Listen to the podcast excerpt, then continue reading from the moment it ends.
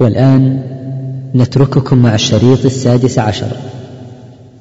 الحمد لله رب العالمين والصلاة والسلام على نبينا محمد وعلى آله وصحبه أجمعين. وبعد فقد قال المصنف رحمه الله تعالى في كتابه الشمائل المحمدية باب ما جاء في حياء رسول الله صلى الله عليه وسلم. والحياء لغة هو الانكسار هو انكسار يعتري الإنسان من خوف ما يعاب به. وفي الشرع هو خلق يبعث على اجتناب القبيح ويمنع من التقصير في حق ذوي الحق. والحياء بالجملة خلق حسن. وأفرده المصنف رحمه الله عن باب خلق النبي صلى الله عليه وسلم لأن به ملاك الأمر كله في حسن المعاملة ومعاشرة الخلق. وروى فيه حديث أبي سعيد الخدري رضي الله عنه قال كان صلى الله عليه وسلم أشد حياء من العذراء في خدرها وكان إذا كره شيئا عرف في وجهه. رواه البخاري ومسلم. وهذا الحديث يدل على شدة حياء النبي صلى الله عليه وسلم ولم يكن حياؤه من قول الحق أبدا ولا من فعل الحق وإنما كان مما يستحيا منه. كان أشد حياء من العذراء وهي البكر في خدرها يعني في سترها وكانوا يجعلون للبكر في جنب البيت داخل البيت يجعلون لها سترا تستتر به وتكون فيه. وهذا يبين أن حياء النبي عليه الصلاة والسلام كان عظيما والبكر تكون منعزلة في مكان في البيت وربما لا تخالط النساء حتى النساء. لتكون ذات حياء بخلاف ما لو كانت تختلط مع غيرها وتسمع من هنا ومن هنا وتختلط بكافة النساء فعند ذلك يحدث شيء من الخدش للحياء.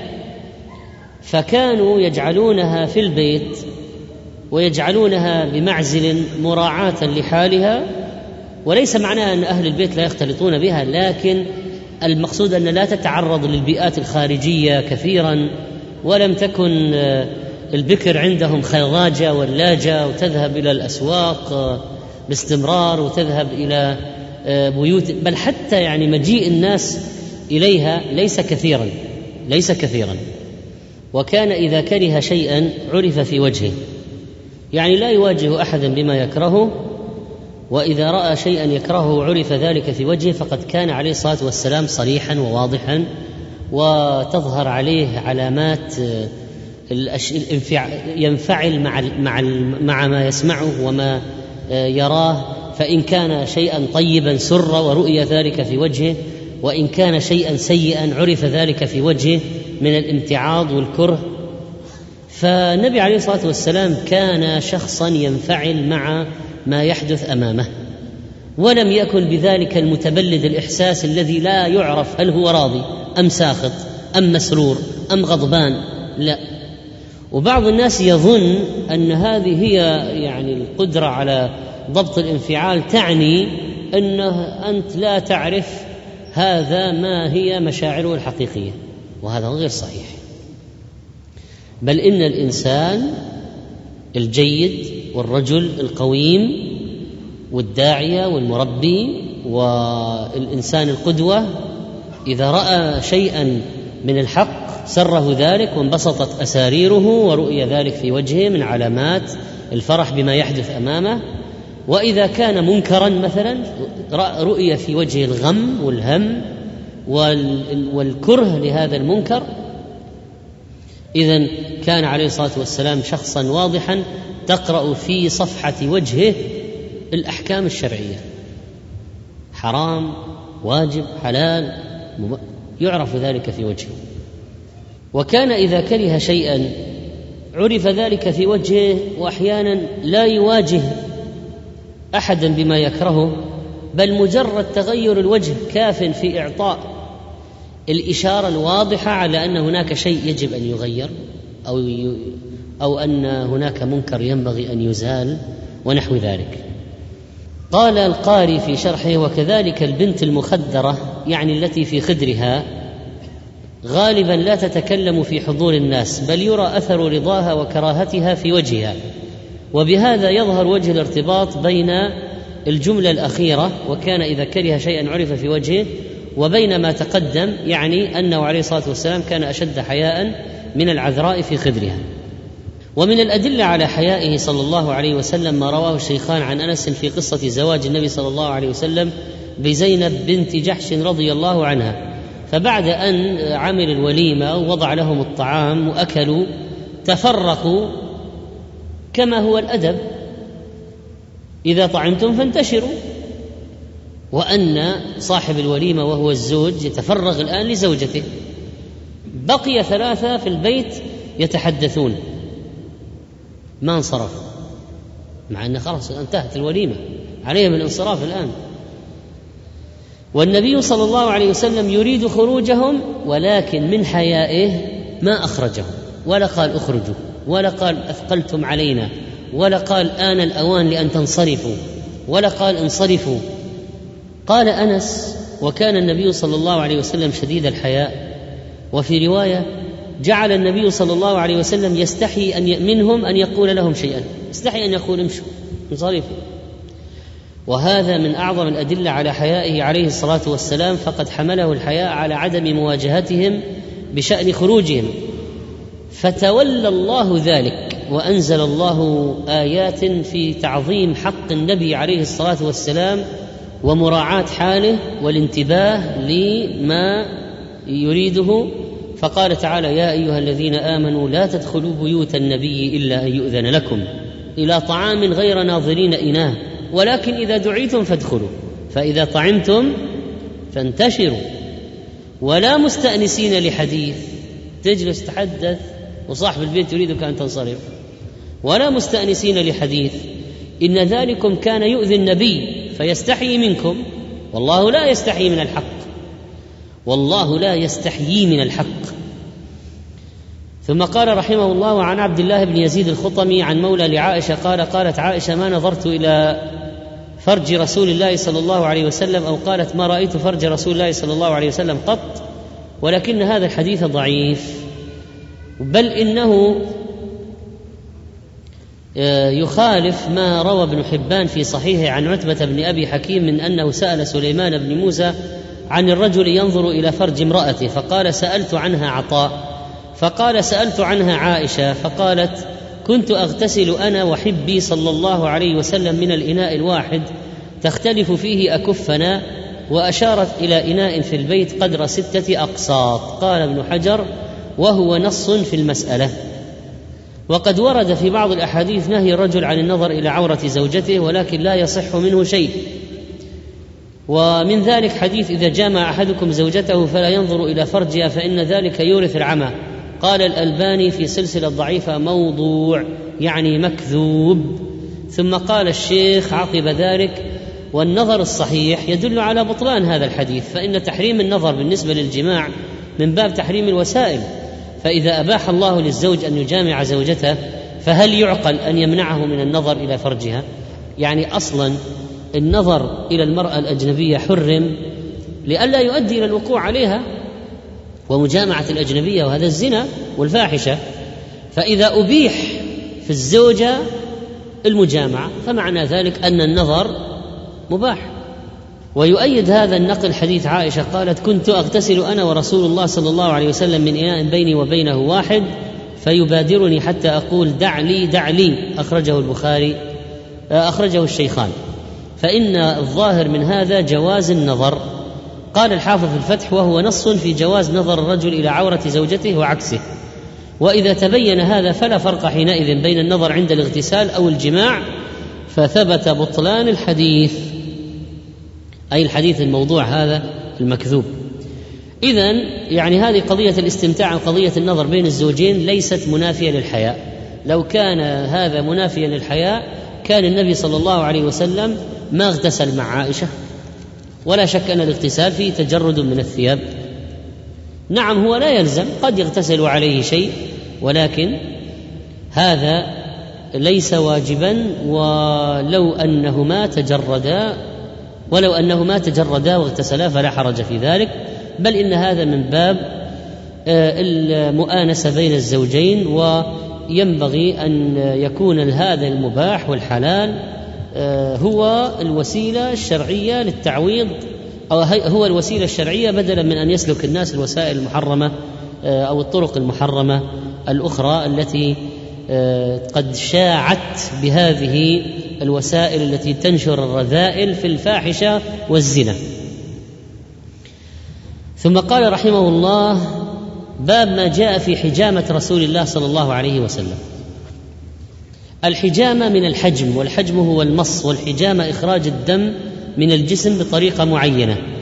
عن حميد قال سئل أنس بن مالك عن كسب الحجام فقال احتجم رسول الله صلى الله عليه وسلم حجمه أبو طيبة فأمر له عليه الصلاة والسلام يعني اجر للحجامة بصاعين من طعام وكلم أهله فوضعوا عنه من خراجه لأن أبا طيبة كان عبدا مملوكا فالنبي عليه الصلاة والسلام توسط عند الذين يملكونه فيضع من خراجه ليقل تعبه ولا يرهق وقال عليه الصلاة والسلام إن أفضل ما تداويتم به الحجامة وإن أو إن أمثل ما تداويتم به الحجامة، الحديث رواه البخاري في كتاب الطب من صحيحه باب الحجامة من الداء وكذلك رواه مسلم رحمه الله.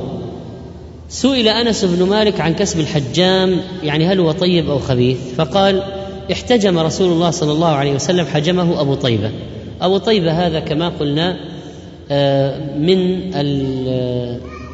كان مولى واسمه نافع مولى لبني بياضة فالنبي عليه الصلاة والسلام أمر له بصاعين من طعام لو كان كسب الحجام خبيثا كان النبي عليه الصلاة والسلام ما أعطاه شيئا أو قال لا يجوز لك أن تطلب ولكن أمر له بصاعين من طعام معناها أن الأجرة الحجام صحيحة مباحة. وهذا يدل على جواز كسبه. لكن عندنا حديث آخر وهو ثمن الكلب خبيث ومهر البغي خبيث وكسب الحجام خبيث رواه مسلم. والحديث صحيح كما ترون. فكيف نجمع بين هذا وهذا؟ فالجواب إن بعض العلماء قال إن حديث كسب الحجام خبيث منسوخ بحديث أبي طيبة. ومنهم من قال إن معنى كسب الحجام خبيث يعني على وجه التنزه يعني ليس حراما لكن ليس من المكاسب ليس من المكاسب الرفيعه العالية وإنما من المكاسب التي فيها شيء من الدنو وهذا واضح. يعني مثلا لو قلت لك كسب السباك وعمله جائز مباح؟ نعم مباح. لكن هو يلابس النجاسات ويخالط النجاسات أليس كذلك؟ فيعني عمله ليس من الأعمال الرفيعة والعالية من الأعمال الوضيعة لكنه ليس حراما. ففي مكاسب مباحة لكن العمل نفسه لما يلابسه مثلا مص الدم قد يدخل شيء في الجوف كذا. هذا الذي يعمل في تسليك المجاري. ممكن يعني يلابس النجاسات مثلا. قد الذي يعمل في المسلخ أيضا والدماء يلابس. لكن ليس حراما ليس محرما هو مباح. لكنه ليس من مكاسب العالية الرفيعة من ال... ليس من الحرف العالية الرفيعة. ولذلك فإن كلمة كسب الحجام خبيث لا تدل على التحريم. نعم إنه عطف على أشياء محرمة لكن لا يلزم العطف دائما أن يأخذ حكم المعطوف عليه. وقال ابن حجر رحمه الله واختلف العلماء بعد ذلك في هذه المسألة فذهب الجمهور إلى أنه حلال واحتجوا بهذا الحديث حديث أبي طيبة. وقالوا هو كسب فيه دناءة ولكن ليس بمحرم. فحملوا الزجر عنه على التنزيه. يعني الأحسن لا لكن ما يصل إلى حرام. ومنهم من ادعى النسخ وأنه كان حراما ثم أبيح وجنح إلى ذلك الطحاوي والنسخ لا يثبت بالاحتمال. وذكر ابن الجوزي أن أجر الحجام إنما كره لأنه من الأشياء التي تجب للمسلم على المسلم إعانة له عند الاحتياج إليه فما كان ينبغي له أن يأخذ على ذلك اجرا. وفي الحديث فوضعوا عنه من خراجه يعني خففوا عنه من ضريبته التي يضربونها عليه لأن العبد كان يكلف بمبلغ يومي يأتي به إلى سيده رحمك الله. فقد يشتغل نجارا أو حدادا أو زراعا أو حمالا فيأتي بالكسب يعطيه لسيده. وقوله إن أفضل ما تداويتم به الحجامة يدل على أهميتها وأن لها تاثيرا بالغا وقد جاءت أحاديث متعددة تبين أثرها فمن ذلك حديث الشفاء في ثلاثة. شربة عسل وشرطة محجم وكي بنار وأنهى أمتي عن الكي رواه البخاري. فالآن النهي عن الكي هنا ليس للتحريم لكنه للكراهة لأن فيه تعذيبا وفيه ألم إيلاما شديدا وفيه تشويها ومثلة لكن لأنه لأن فيه شفاء هو مباح. وآخر الدواء الكي. وقد تنبه الناس في هذا الزمن إلى أهمية الحجامة وصار هناك أنواع كثيرة من الحجامه الآن تستعمل طبيا على مستوى العالم. ولكن في شرعنا من زمان هذا الأمر معروف. ونلاحظ أنه تدرج في العلاج من الأسهل بدأ بالأسهل. فقال شربة عسل والعسل لذيذ وطيب و ومستساغ. فلماذا ينتقل الإنسان إلى الحجامة التي فيها الشرط مص إخراج الدم؟ هذا أصعب. فإذا لم يجدي العسل أو هذا المرض ليس مما يعالج بالعسل مثلا ما كفى العسل فينتقل الحجامة والحجامة فيها أيضا آه، فائدة كبيرة جدا. فإذا ما استفاد بالحجامة انتقل إلى الكي انتقل إلى الكي. والمقصود أن الإنسان لا يبدأ بالأصعب وهناك علاجات أسهل. يعني لو كان هناك علاج بالشراب أشربة أو حبوب هل تعمل عملية فيها قص الجلد وقطع الجلد والدم والخياطة وعندك شيء أسهل؟ لا طبعا، لكن إذا ما أجدت الأشربة والأدوية هذه فلا مناص من العملية. وهكذا أنت تسلك في علاج نفسك الأسهل فالأسهل وليس تنتقل تبدأ بالأصعب. قال وعن علي رضي الله عنه أن النبي صلى الله عليه وسلم احتجم وأمرني فأعطيت الحجام أجره الحديث رواه أحمد بن ماجه والصحة والألباني وفيه جواز إعطاء الحجام الأجرة على الحجامة. وعن ابن عباس قال إن النبي صلى الله عليه وسلم احتجم في الأخدعين وبين الكتفين وأعطى الحجام أجره ولو كان حراما لم يعطه رواه البخاري رحمه الله في عدة مواضع من صحيحه وكذلك مسلم. فأما الأخدعان فهما عرقان في جانبي الرقبة. عرقان في جانبي الرقبة. الأخدعان. وبين الكتفين تحديد الأماكن التي احتجم فيها النبي صلى الله عليه وسلم ومنطقة ما بين الكتفين تسمى الكاهل. إذا احتجم في الكاهل بين الكتفين واحتجم في الأخدعين عرقان عن يمين وشمال الرقبة. وأعطى الحجام أجره ولو كان حراما لم يعطه. وعن ابن عمر رضي الله عنه أن النبي صلى الله عليه وسلم دعا حجاما فحجمه وسأله كم خراجك؟ فقال ثلاثة آصع فوضع عنه صاعا وأعطاه أجره. رواه أحمد وهو حديث صحيح. وآصع جمع صاع وهو أربعة أمداد والمد ملء يد الرجل المتوسط حبا أو طعاما. إذا جمع كفيه وبسطهما فملؤهما طعاما يكون مدا. طيب. والصاع أربعة أمداد بكفي الرجل المتوسط المتو... كفي الرجل المتوسط يعني لا اليد الضخمة ولا اليد الصغيرة الوسط. وعن أنس بن مالك رضي الله عنه قال كان رسول الله صلى الله عليه وسلم يحتجم في الأخدعين والكاهل وكان يحتجم لسبع عشر وتسع عشرة وإحدى وعشرين. رواه الترمذي وهو حديث صحيح وعرفنا أن الكاهل ما بين الكتفين وكان يحتجم لسبع عشرة تحديد أفضل أيام الحجامة فليست أيام الشهر سواء في الحجامة.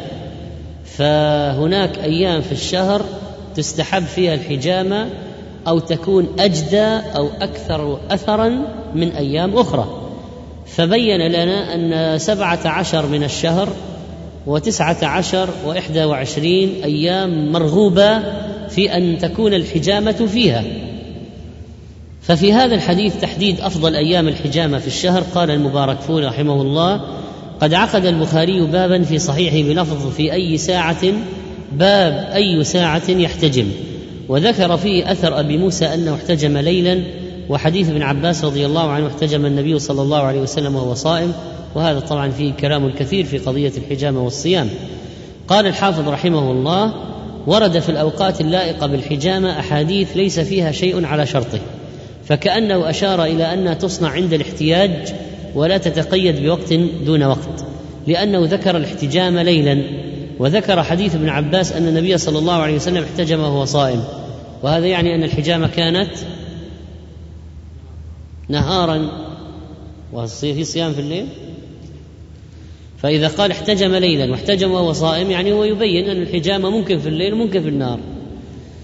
وقد ورد في تعيين الأيام والأشهر التي يحتجم فيها عدة أحاديث. منها فاحتجموا على بركة الله يوم الخميس واحتجموا يوم الاثنين والثلاثاء واجتنبوا الحجامة يوم الأربعاء والجمعة والسبت والأحد.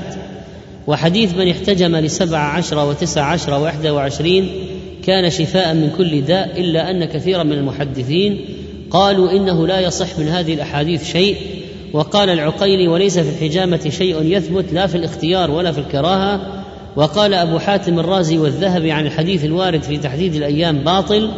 قال المبارك فوري ولكون هذه الأحاديث لم يصح منها شيء قال حنبل بن إسحاق كان أحمد يحتجم أي وقت هاج به الدم وأي ساعة كانت يعني من ليل أو نهار. فبعض العلماء حسن الأحاديث وقال إذا كان سبعة عشر أو أو تسعة عشر أو واحد إذا كان سبعة عشر أو تسعة عشر أو واحد وعشرين وكان وافق خميس نعم هذا أحسن أحسن. قالوا إنه أحسن. آه بعضهم قال أبد هذه الأحاديث كلها لا تصح واحتجم متى ما شئت. وعن أنس بن مالك رضي الله عنه أن رسول الله صلى الله عليه وسلم احتجم وهو محرم بملل على ظهر القدم. بملل على ظهر القدم. الحديث رواه البخاري ومسلم لكن بدون الزيادة بملل على ظهر القدم. هذه الزيادة عند الترمذي هنا في الشمائل وصححها الألباني.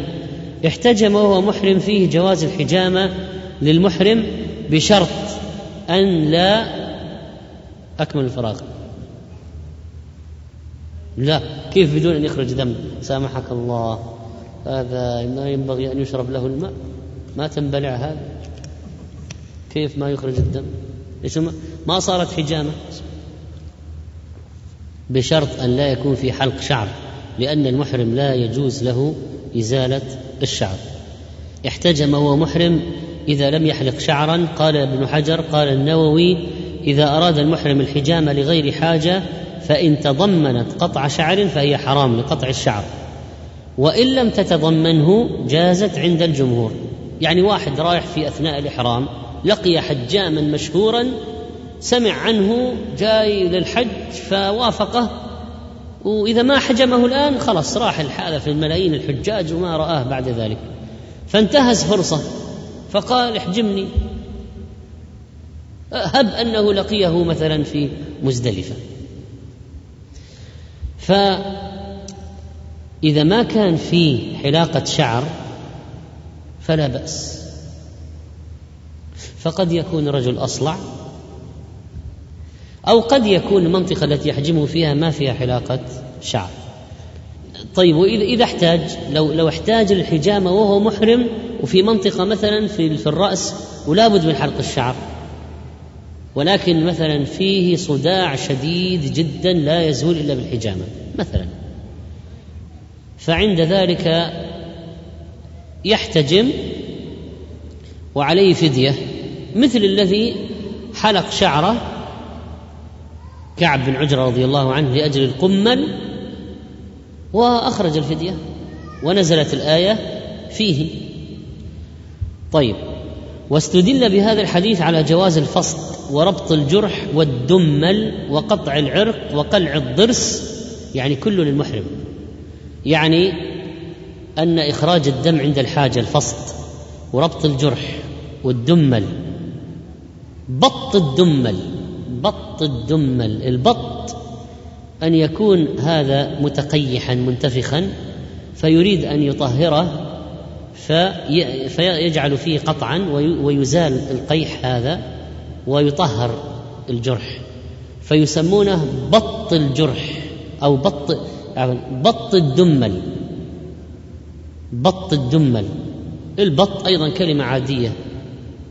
كلمه عامية بطه يبطه بطا وكذلك قطع العرق وقلع الضرس وغير ذلك من وجوه التداوي. إذا لم يكن في ذلك ارتكاب ما نهي عنه المحرم من تناول الطيب وقطع الشعر ولا فدية على عليه في شيء من ذلك والله أعلم. وقد احتجم النبي صلى الله عليه وسلم كذلك وهو صائم كما روى الشيخان. والجمهور على أنه لا يفطر وقال أحمد يفطر الحاجم والمحجوم لخبر أفطر الحاجم والمحجوم وهو صحيح.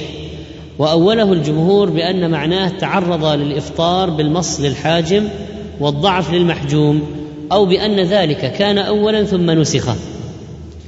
طبعا الكلام حجامة للصائم كلام يعني من مسائل هذه العويصة وفيها كلام كثير لأهل العلم واختلفوا فيها اختلافا متباينا ومن ممن عرض ذلك بشكل مرتب ومنظم المبارك فوي رحمه الله في شرح التحفة. طيب قوله بملل موضع في الطريق بين مكة والمدينة يعني بين الحرمين وقيل موضع في طريق البادية. فلما كان عليه الصلاة والسلام بملل احتجم أين؟ على ظهر القدم. إذا واعظ احتجم على ظهر القدم وهو محرم. لا بأس بذلك. الموضع الرابع احتجم في وسط الرأس. إذا احتجم في الكاهل احتجم في الأخدعين احتجم في ظهر القدم احتجم وسط الرأس. دليل الحجامة في وسط الرأس جاء في صحيح مسلم أن النبي صلى الله عليه وسلم احتجم بطريق مكة وهو محرم وسط رأسه. قال النووي عن حديث مسلم هذا وهذا الحديث محمول على أن النبي عليه الصلاة والسلام كان له عذر. في الحجامة في وسط الرأس لأنه لا ينفك عن قطع الشعر. كيف سيحتجم بدون قطع الشعر؟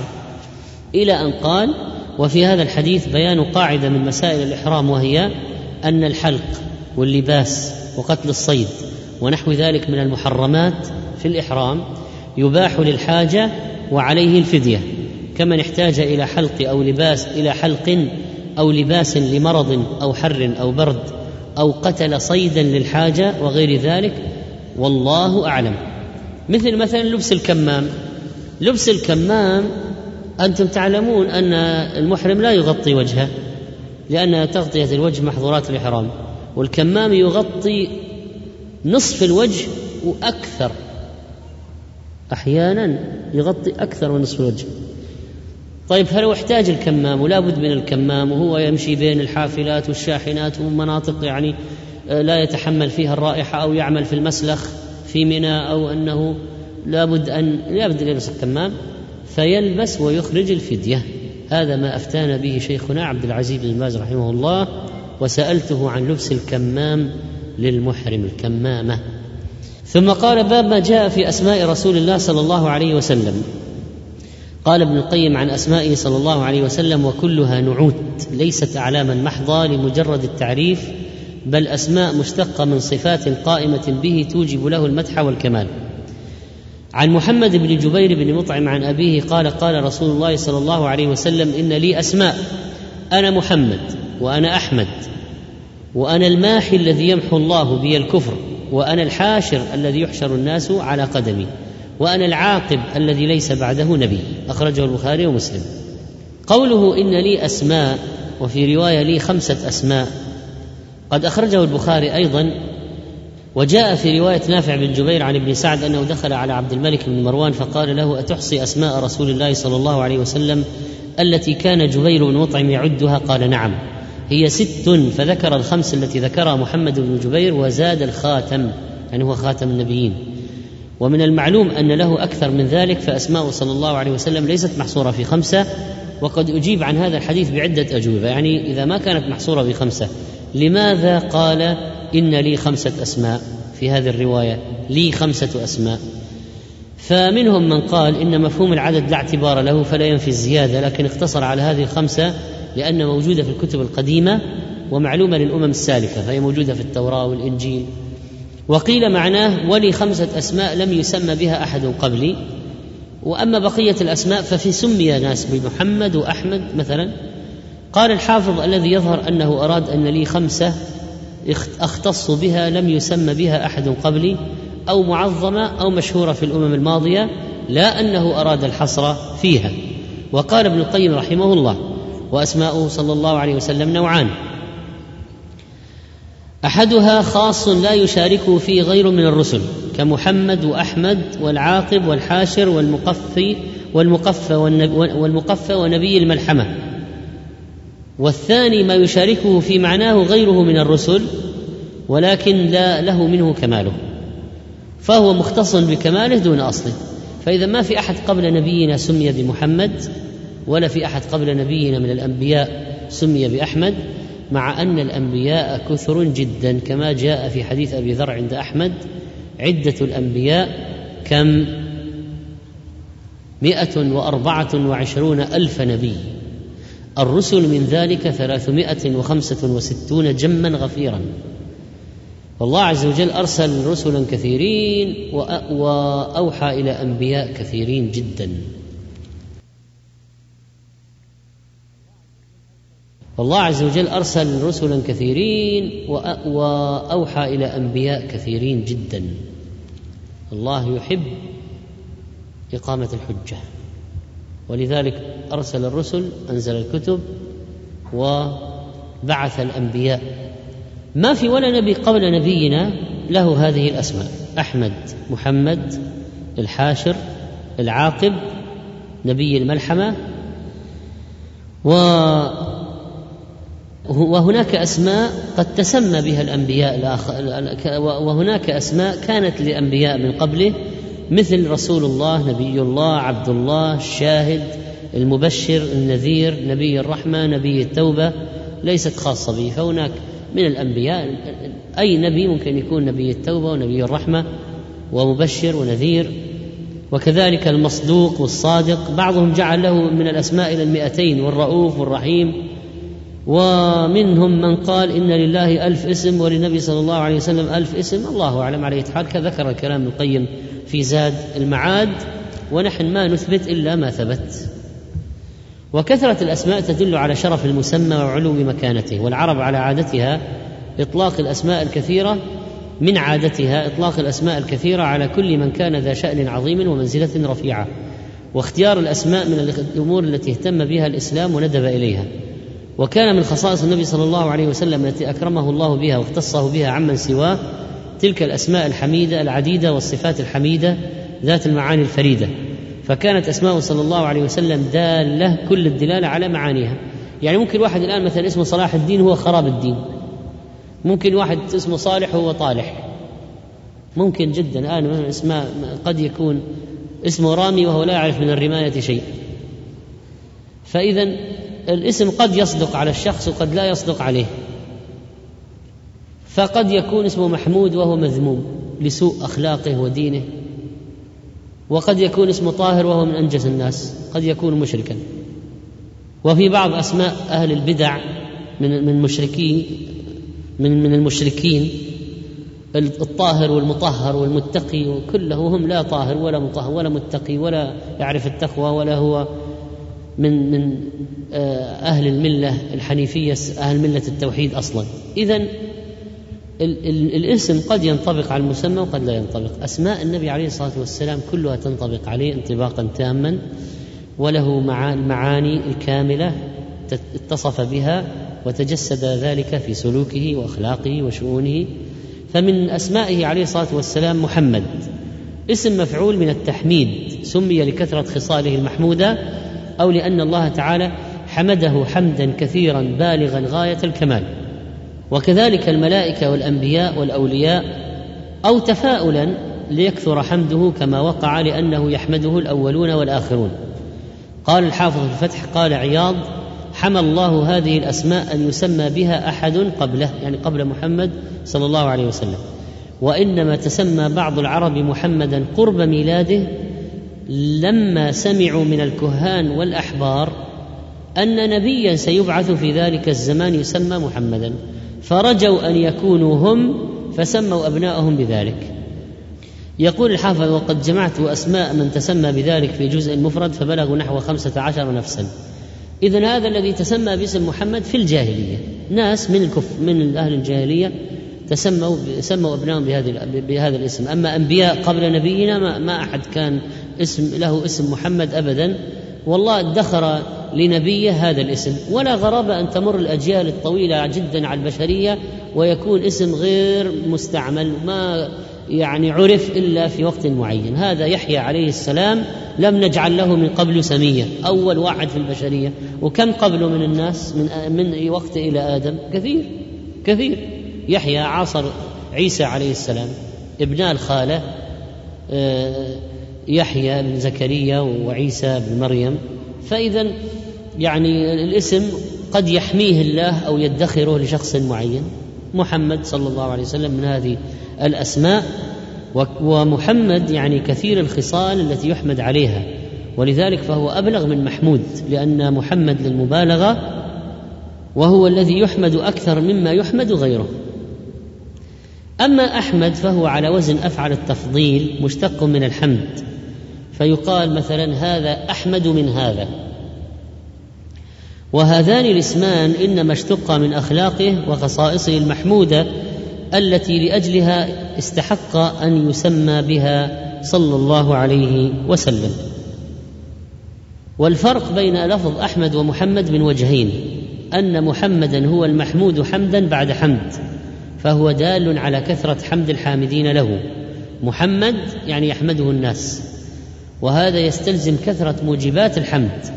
وأما أحمد فهو أفعل تفضيل من الحمد يدل على أن الحمد الذي يستحقه أفضل مما يستحقه غيره. فمحمد زيادة حمد في الكيفية. طيب فمحمد زيادة حمد في الكمية. وأحمد زيادة حمد في الكيفية. فمحمد يعني كثر حامدوه ما أكثر من حمده. الذين يحمدونه كثيرون جدا فلذلك هو محمد. من كثرة الذين يحمدونه سمي محمدا. وبالتأكيد ما كثر حامدوه إلا وهو يستحق لصفاته العظيمة. أما أحمد فإنه الذي بلغ في الحمد غاية عظيمة فهو في الكيفية أحمد من البشر الآخرين جميعا. والوجه الثاني أن محمدا هو المحمود حمدا متكررا وأحمد هو الذي حمده آه، محمد هو المحمود حمدا متكررا وأحمد هو الذي حمده لربه أفضل من حمد الحامدين غيره. فدل أحد الاسمين وهو محمد على كونه محمودا ودل الاسم الثاني وهو أحمد على كونه أحمد الحامدين لربه. وقال ابن القيم رحمه الله في جلاء الأفهام فتسميته بهذا الاسم الذي هو أحمد لما اشتمل عليه من مسماه وهو الحمد فإنه محمود عند الله ومحمود عند الملائكة ومحمود عند إخوانه المرسلين ومحمود عند أهل الأرض أجمعين وإن كفر به بعضهم فإن ما فيه من صفات الكمال محمودة عند كل عاقل وإن كابر عقله جحودا أو عنادا أو جهلا ولو علم اتصافه بها لحمده فإنه يحمد من اتصف بصفات الكمال وهو اختص من مسمى الحمد بما لم يجتمع لغيره فإن اسمه محمد وأحمد وأمته الحمادون يحمدون الله على السراء والضراء. وصلاة أمتي مفتتحة بالحمد وخطبته مفتتحة بالحمد وكتابه مفتتح بالحمد. وبيده لواء الحمد يوم القيامة ولما يسجد بين يدي ربي عز وجل الشفاعة ويؤذن له فيها يحمد ربه بمحامد يفتحه يفتح بها عليه حينئذ وهو صاحب المقام المحمود الذي يغبطه الأولون والآخرون عليه قال تعالى ومن الليل فتهجد به نافلة لك عسى أن يبعثك ربك مقاما محمودا. وإذا قام في المقام حمده الخلائق جميعا وأهل الموقف مسلمهم وكافرهم وأولهم وآخرهم وهو محمود بما ملأ الأرض من الهدى والإيمان والعلم النافع والعمل الصالح فتح الله به القلوب وكشف به الظلمة عن أهل الأرض واستنقذهم من أسر الشيطان ومن الشرك بالله والكفر به والجهل حتى نال به أتباعه شرف الدنيا والآخرة. وقوله وأنا الماحي الذي يمحو الله به الكفر الماحي الذي محى الله به الكفر ولم يمحى الكفر بأحد من الخلق ما محي بالنبي صلى الله عليه وسلم فإنه بعث وأهل الأرض كلهم كفار إلا بقايا من أهل الكتاب وهم ما بين عباد أوثان ويهود مغضوب عليهم. ونصارى ضالين وصابئه دهرية لا يعرفون ربا ولا معادا وبين عباد الكواكب وعباد النار وفلاسفه لا يعرفون شرائع الأنبياء ولا يقرون بها.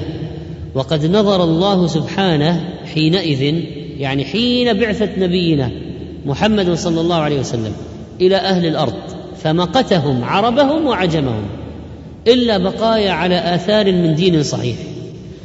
فأغاث الله به البلاد والعباد وكشف به تلك الظلم وأحيا به الخليقة بعد الموت. فهدى به من الضلالة وعلم به من الجهالة وفتح به أعينا عميا وآذانا صما وقلوبا غلفا. ومحى الله سبحانه وتعالى برسوله الكفر حتى ظهر دين الله على كل دين وبلغ دينه ما بلغ الليل والنهار يعني مشرق الأرض ومغربها وسارت دعوته مسيرة الشمس في الأقطار. هذا من كلام القيم رحمه الله في كل في اسم الماحي. ما معناه وقوله وأنا الحاشر الذي يحشر الناس على قدمي الحشر هو الضم والجمع. فهو الذي يحشر الناس على قدمه فكأنه بعث ليحشر الناس. وقد آه، ضبط قدمي وضبط قدمي بالمفرد والمثنى. قال النووي معنى الروايتين ما معنى يحشر الناس على قدمي أو على قدمي؟ ما معناه يعني يحشرون بعدي يحشرون على إثري وزماني ورسالتي. هذا معنى وأنا الحاشر الذي يحشر الناس على قدمي يعني يحشرون بعدي. والمعنى أنه صلى الله عليه وسلم يحشر اولا ثم يحشر الناس بعده. وهذا مصداق ما أخبر به عليه الصلاة والسلام في قوله أنا أول من تنشق عنه الأرض يوم القيامة. أنا أول من تنشق عنه الأرض. فاذا هو أول واحد سيحشر أول واحد يخرج من قبره كل الناس سيخرجون بعده وهو يكون في الأول وبعده يأتون على قدمه وعلى إثره يخرجون من القبور ويحشرون إلى أرض المحشر. عند قيام الساعة. وجاء في رواية نافع وأنا حاشر بعثت مع الساعة. يعني يحشر الناس على إثر زمان نبوتي وليس بعدي نبي. فالمراد بالقدم الزمان أي وقت قيامي بظهور علامات المحشر. لأن النبي عليه الصلاة والسلام أول أشراط الساعة بعثته. ويحتمل أن يكون المراد بالقدم الزمان أي وقت قيامي على قدمي بظهور علامات الحشر إشارة إلى أنه ليس بعده نبي ولا شريعة. وأظهر هذه المعاني والله أعلم.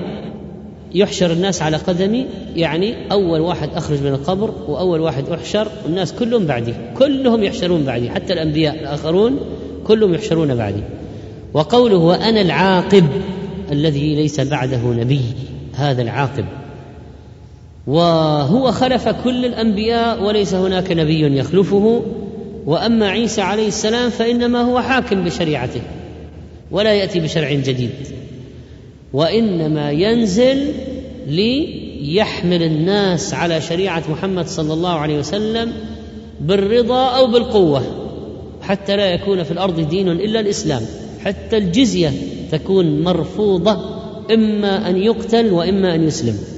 فلذلك كل الأرض تدين بالإسلام على شريعة محمد صلى الله عليه وسلم وهو العاقب عليه الصلاة والسلام بمنزلة خاتم النبوة بمنزلة خاتم الأنبياء فلذلك سمي عاقبا لأنه جاء عقب الأنبياء جميعا ولا يأتي بعده نبي ولا يبعث بشرع جديد. ليس بعده نبي. وبعثة ما فيه أما نزول عيسى هذا نزول وليس بعثة نزول. وعن حذيفة قال لقيت النبي صلى الله عليه وسلم في بعض طرق المدينة فقال أنا محمد وأنا أحمد وأنا نبي الرحمة ونبي التوبة وأنا المقفي وأنا الحاشر ونبي الملاحم أخرجه أحمد وحسنه الألباني. نبي الرحمة سبب الرحمة سببها قال تعالى وما أرسلناك إلا رحمة للعالمين رحم الله به المخلوقات كان أمانا حتى لقريش من الخسف. والاستئصال بالعذاب فبعثه الله رحمة لقومه ورحمة للعالمين. وحصل النفع برسالته في جموع أهل الأرض وأتباعه نالوا كرامة الدنيا والآخرة وأعداؤه عجل قتلهم وموتهم بسببه وهذا فيه خير لهم. فلو قال قائل كيف تكون بعثة النبي صلى الله عليه وسلم رحمة لأبي جهل.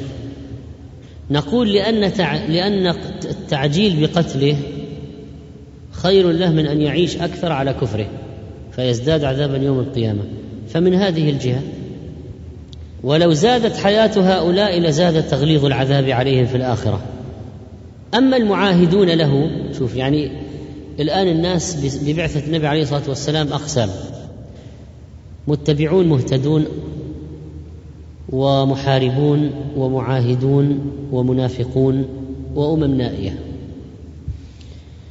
أما أتباعه فكانت بعثته رحمة لهم بلا ريب ولا شك لأنهم اتبعوه آمنوا به فصاروا من أهل الجنة ونالوا الفوز العظيم وجاهدوا معه نشروا دعوته دينه بلغوا. وأما أعداؤه فالمحاربون له قد عجل قتلهم وموتهم وهذا خير لهم من أن تمتد بهم الحياة فيزدادون عذابا في النار.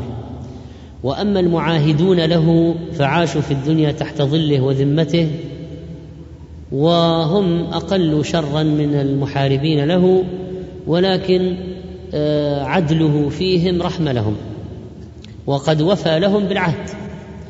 والمنافقون من الرحمة التي حصلت لهم به حقن دمائهم. فإنه ما رضي بقتل المنافقين حتى عبد الله بن أبي. فكانوا يعيشون في المدينة ولا يعتدى على دمائهم ولا على أموالهم لأنهم يظهرون الإسلام وعاملهم على الظاهر وفي هذا رحمة لهم كونوا عاملهم على الظاهر رحمة لهم ولو عاملهم على الباطن مع أن الله أخبره بحقائق عدد من المنافقين كان من الممكن يبني على الباطن لكن ليس هكذا الشرع. وليس هكذا علمنا. وهذا من الرحمة بهم. كونه يجري على المنافقين أحكام الإسلام في الظاهر. فيسلم عليهم يشمتون عند العطاس ويرثون ويورثون وتحقن دماؤهم. هذا من الرحمة بالمنافقين. وأما الأمم النائية فإن الله رفع برسالته العذاب العام عن أهل الأرض. يعني استفاد من بعثة حتى الدواب. استفاد من هو رحمة للبشر كلهم وللجن الجن أيضا استفادوا جاءوا أسلموا تعلموا التقوا به وجاء وفد جن نصيبين وجاء وفود من يعني أكثر من مرة التقى بهم علمهم أسلم منهم من أسلم. وكذلك فإنه رحمة لكل أحد. لكن المؤمنون قبلوا الرحمة والكفار ردوها فهي موجودة لكن هم أبوها. نبي التوبة لأن الله فتح به باب التوبة على أهل الأرض. فتاب عليهم توبة لم يحصل قبل مثلها. وكان صلى الله عليه وسلم أكثر الناس استغفارا وتوبة ولذلك يسمى نبي التوبة لكثرة توبته لربه ولأنه علمنا التوبة. ولأن من قبلنا كان الواحد إذا أراد التوبة ربما يحتاج أن يقتل نفسه كما حصل في الذين قالوا أرنا الله جهرا ولن نؤمن لك حتى نرى الله جهرا والذين عبدوا العجل وال... فكان في بني إسرائيل التوبة تصل لدرجة أن الواحد لابد أن يقتل بالقتل بالقتل. لكن في شريعتنا لا. التوبة بالندم والإقلاع معروفة فلا تحتاج القتل. ولذلك نبينا نبي التوبة. وفي المجلس الواحد يتوب إلى الله أكثر من مئة مرة. رب اغفر لي وتب علي إنك أنت التواب الغفور. أحصوها له في المجلس الواحد مئة مرة. في حديث ابن عمر. رواه الترمذي وهو حديث صحيح. وقال عليه الصلاة والسلام يا أيها الناس توبوا إلى الله فإني أتوب في اليوم إليه مئة مرة. رواه مسلم. وتوبته أكثر من توبة باقي الأمم وأسرع قبولا وأسهل تناولا. وهذا من كرامته عند الله أن جعل طريق التوبة على أمة محمد صلى الله عليه وسلم سهلا ميسورا. وقول أنا نبي المرحمة الرحمة والمرحمة متقارب ومقصوده أنه صلى الله عليه وسلم ومقصودها أنه صلى الله عليه وسلم جاء بالتوبة والتراحم. ولذلك من معاني الأخوة الإسلامية بين المسلمين رحماء بينهم. من أخلاق المسلمين التي جاء بها هذا النبي العظيم وتواصوا بالصبر وتواصوا بالمرحمة رحمة اليتيم ورحمة المرأة الضعيفة ورحمة المسكين. هذه من المرحمة في هذه الشريعة. بل إنه عليه الصلاة والسلام بالمؤمنين رؤوف رحيم. إنه ناشد ربه في عدد من المواطن من أجل هذه الأمة حتى أعطاه الله خيرا عظيما. بعث رحمة للعالمين. خفف الله عن هذه الأمة الآثار والأغلال التي كانت على الأمم السابقة. وإذ قال موسى لقومه يا قوم إنكم ظلمتم أنفسكم باتخاذكم العجل فتوبوا إلى بارئكم فاقتلوا أنفسكم. وفي شرعنا لو بلغ الذنب الشرك بالله التوبة منه ما تحتاج إلى القتل. سهلة ميسورة. وأما المقفي أو المقفى كلاهما روايتان المقفي والمقفى. باسم الفاعل باسم المفعول. فعلى رواية المقفى التابع للأنبياء فهو آخرهم والتابع لآثارهم. كما قال الله له أولئك الذين هدى الله فبهداه مقتده اقتدي بالأنبياء من قبلك. فهو متبع للأنبياء جميعا في التوحيد ومكارم الأخلاق وما في حسنة ما في ميزة في شرع نبي من قبل إلا وفي شريعتنا منها وما هو أكثر. أما المقفي فهو الذي قفى على آثار الأنبياء وختم الله به الرسالة قال تعالى ثم قفينا على آثارهم برسلنا. فالمقفي هو المولي الذاهب يعني آخر الأنبياء المتبع لهم فإذا قفى فلا نبي بعده. أما نبي الملحمة فالملحمة هي الحرب والقتال الشديد. سمي بنبي الملحمة لأنه جاهد ومن دينه الجهاد وحرص على الجهاد وسارع إليه قال ابن القيم رحمه الله. فهو الذي بعث بجهاد أعداء الله. فلم يجاهد نبي وأمته قط ما جاهد رسول الله صلى الله عليه وسلم. يعني موسى جاهد ومعه قومه لكن جهادهم بالنسبة لجهاد نبينا محدود. سليمان جاهد داود جاهد لكن يوشع بن نون جاهد. تلميذ موسى ونبي والنبي من بعد موسى قائد بني إسرائيل الثاني بعد موسى عليه السلام. لكن جهاد هؤلاء الأنبياء بالنسبة لجهاد نبينا أقل ولا شك. فنبينا نبي الملحمة قال ابن القيم فلم يجاهد نبي وأمته قط ما جاهد رسول الله صلى الله عليه وسلم وأمته والملاحم الكبار التي وقعت وتقع بين أمته وبين الكفار لم يعهد مثلها قبله لا عددا ولا حجما. ما في معارك صارت بين مسلمين وكفار مثل اللي صارت في هذه الأمة. هذه أمة الملحمة أو نبيها نبي الملحمة نبي الجهاد لكثرة ما حصل فيها من الجهاد. الذي يرفع الله به أقواما ويتخذ منهم شهداء ويذل به الطواغيت ويذهب به الكفار ويقوض دولهم وينشر العدل والجهاد هذا باب عظيم يذهب الله به الهم والغم وجعل رزقي تحت ظل رمحي. يعني فوائد كثيرة جدا. على اية حال؟ قال والملاحم الكبار التي وقعت وتقع بين أمته وبين الكفار لم يعهد مثلها قبله فإن أمته يقتلون الكفار في أقطار الأرض على تعاقب الأعصار. وقد اوقعوا بهم من الملاحم ما لم تفعله أمة سواهم. يعني في أمم أخرى قاتلت. يعني الصينيون قاتلوا اليابانيون قاتلوا الاوروبيون قاتلوا النصارى قاتلوا اليهود قاتلوا. بس ما في أمة قاتلت مثل المسلمين ما في. الإسكندر المقدوني قاتل فلان قاتل. لكن مثل هذه الأمة في أمم انقرضت قاتلت وبادت وراحت. هذه الأمة الجهاد إلى يوم القيامة. ولا تزال طائفة من أمتي يقاتلون على الحق. لا يمكن أن ينقطع الجهاد. ماض إلى يوم القيامة. فما في أمة قامت بملاحم مثل هذه الأمة؟ وضحت بالنفوس والمهج والأرواح والأموال في سبيل الله.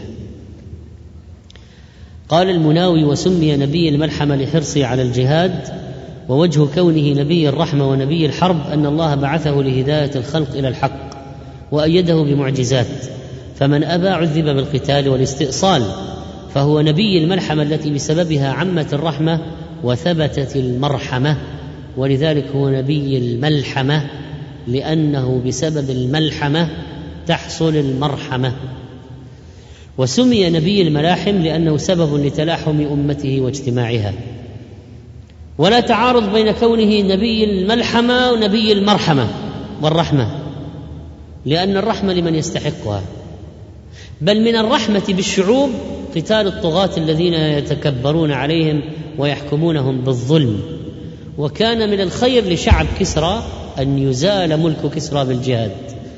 وكان من الخير لشعب قيصر أن يزال ملك قيصر بالجهاد. ولذلك هم هم رأوا عدلا ورأوا من السيرة العظيمة الطيبة ما دخلوا به في الدين أفواجا. أصلا لغتهم تغيرت وبلادهم تغيرت لما رأوا هذا الدين. من الأسماء الأخرى للنبي صلى الله عليه وسلم يقول ابن حجر العسقلاني رحمه الله ومما وقع من أسمائه في القرآن بالاتفاق الشاهد المبشر النذير المبين الداعي إلى الله السراج المنير وفيه أيضا المذكر الرحمة النعمة الهادي الشهيد الأمين المزمل المدثر. وفي حديث عبد الله بن عمرو أنه سمي بالمتوكل سماه الله المتوكل. ومن أسمائه المشهورة المختار المصطفى الشفيع المشفع الصادق المصدوق. طبعا في ناس اخترعوا له أسماء مثل طه. طه هذه من الاحرف المقطعة وليست من أسماء النبي عليه الصلاة والسلام. طه مثل حاميم طاسين طه. حروف مقطعة. والآن أسماء طه أحمد طه طه عبد طه خلاص طه صار طه جعلوه من أسماء النبي صلى الله عليه وسلم ودرجوا على ذلك. قال ابن حجر والحكمة في الاقتصار على الخمسة المذكورة أنها أشهر من غيرها وموجودة في الكتب القديمة وبين الأمم السالفة. ذكر ابن القيم رحمه الله تعالى النبي صلى الله عليه وسلم أسماء أخرى فمنها الفاتح الذي فتح الله به باب الهدى بعد أن كان مغلقا. وفتح به الأعين العمي والآذان الصم والقلوب الغلف. فتح الله به أمصار الكفار ويفتح الله به باب الجنة يوم القيامة. فتح الله به طريق العمل العلم النافع والعمل الصالح. فتح الله به الدنيا والآخرة. فتح الله به الأبصار والأمصار. من أسمائه الأمين فهو أحق الناس بهذا الاسم وهو أمين من في السماء. إذا كان الوحي ينزل عليه ويبلغه إلينا بأمانة أمين الله على وحيه. أمين. كانوا يلقبونه في الجاهلية بالأمين لأنهم إذا أودعوا عنده شيئا أداه إليهم كاملا. لا يجحد ولا يتعب ولا يراوغ. فكانوا يضعون أمانات عنده لأمانته. أما الضحوك القتال فاسمان مزدوجان لا يفرد أحدهما عن الآخر لأنه ضحوك في وجوه المؤمنين غير مقطب ولا عابس ولا غضوب ولا فظ وقتال لأعداء الله لا تأخذه فيهم لومة لائم. فهو الضحوك القتال. وأما البشير لأنه يبشر لمن أطاعه بالثواب والنذير ينذر بمن عصاه بعذاب النار ومن أسمائه الهادي لأنه دعا إلى الهداية والهدى وسماه عبد الله وأنه لما قام عبد الله يدعوه تبارك الذي نزل الفرقان على عبده فأوحى إلى عبده ما أوحى وإن كنتم في ريب مما نزلنا على عبدنا فسماه عبدا. والمتوكل لأنه يتوكل على ربه في كل حال كما قال عبد الله بن عمرو بن العاص إنه لموصوف في التوراة ببعض صفته في القرآن. ماذا يوجد في التوراة؟ يا أيها النبي إنا أرسلناك شاهدا. ومبشرا ونذيرا وحرزا للأميين أنت عبدي ورسولي سميتك المتوكل ليس بفظ ولا غليظ ولا سخاب بالأسواق ولا يدفع السيئة بالسيئة ولكن يعفو ويصفح ولن يقبضه الله حتى يقيم به الملة العوجاء بأن يقولوا لا إله إلا الله. ما هي الملة العوجاء؟ الشرك. كيف يقيمها؟ بالتوحيد. ما هو التوحيد؟ لا إله إلا الله. ويفتح به أعينا عميا وآذانا صما وقلوبا غلفة. رواه البخاري. من أسمائه سيد ولد آدم. سماه الله سراجا منيرا وسمى الشمس سراجا وهاجا. والمنير ينير من غير إحراق بخلاف الوهاج. وهذا من أسمائه عليه الصلاة والسلام وكان ذلك بابا نافعا ماتعا وكلام العلماء فيه كما ترون في غاية الجمال لطبيعة الموضوع مدح محمد صلى الله عليه وسلم.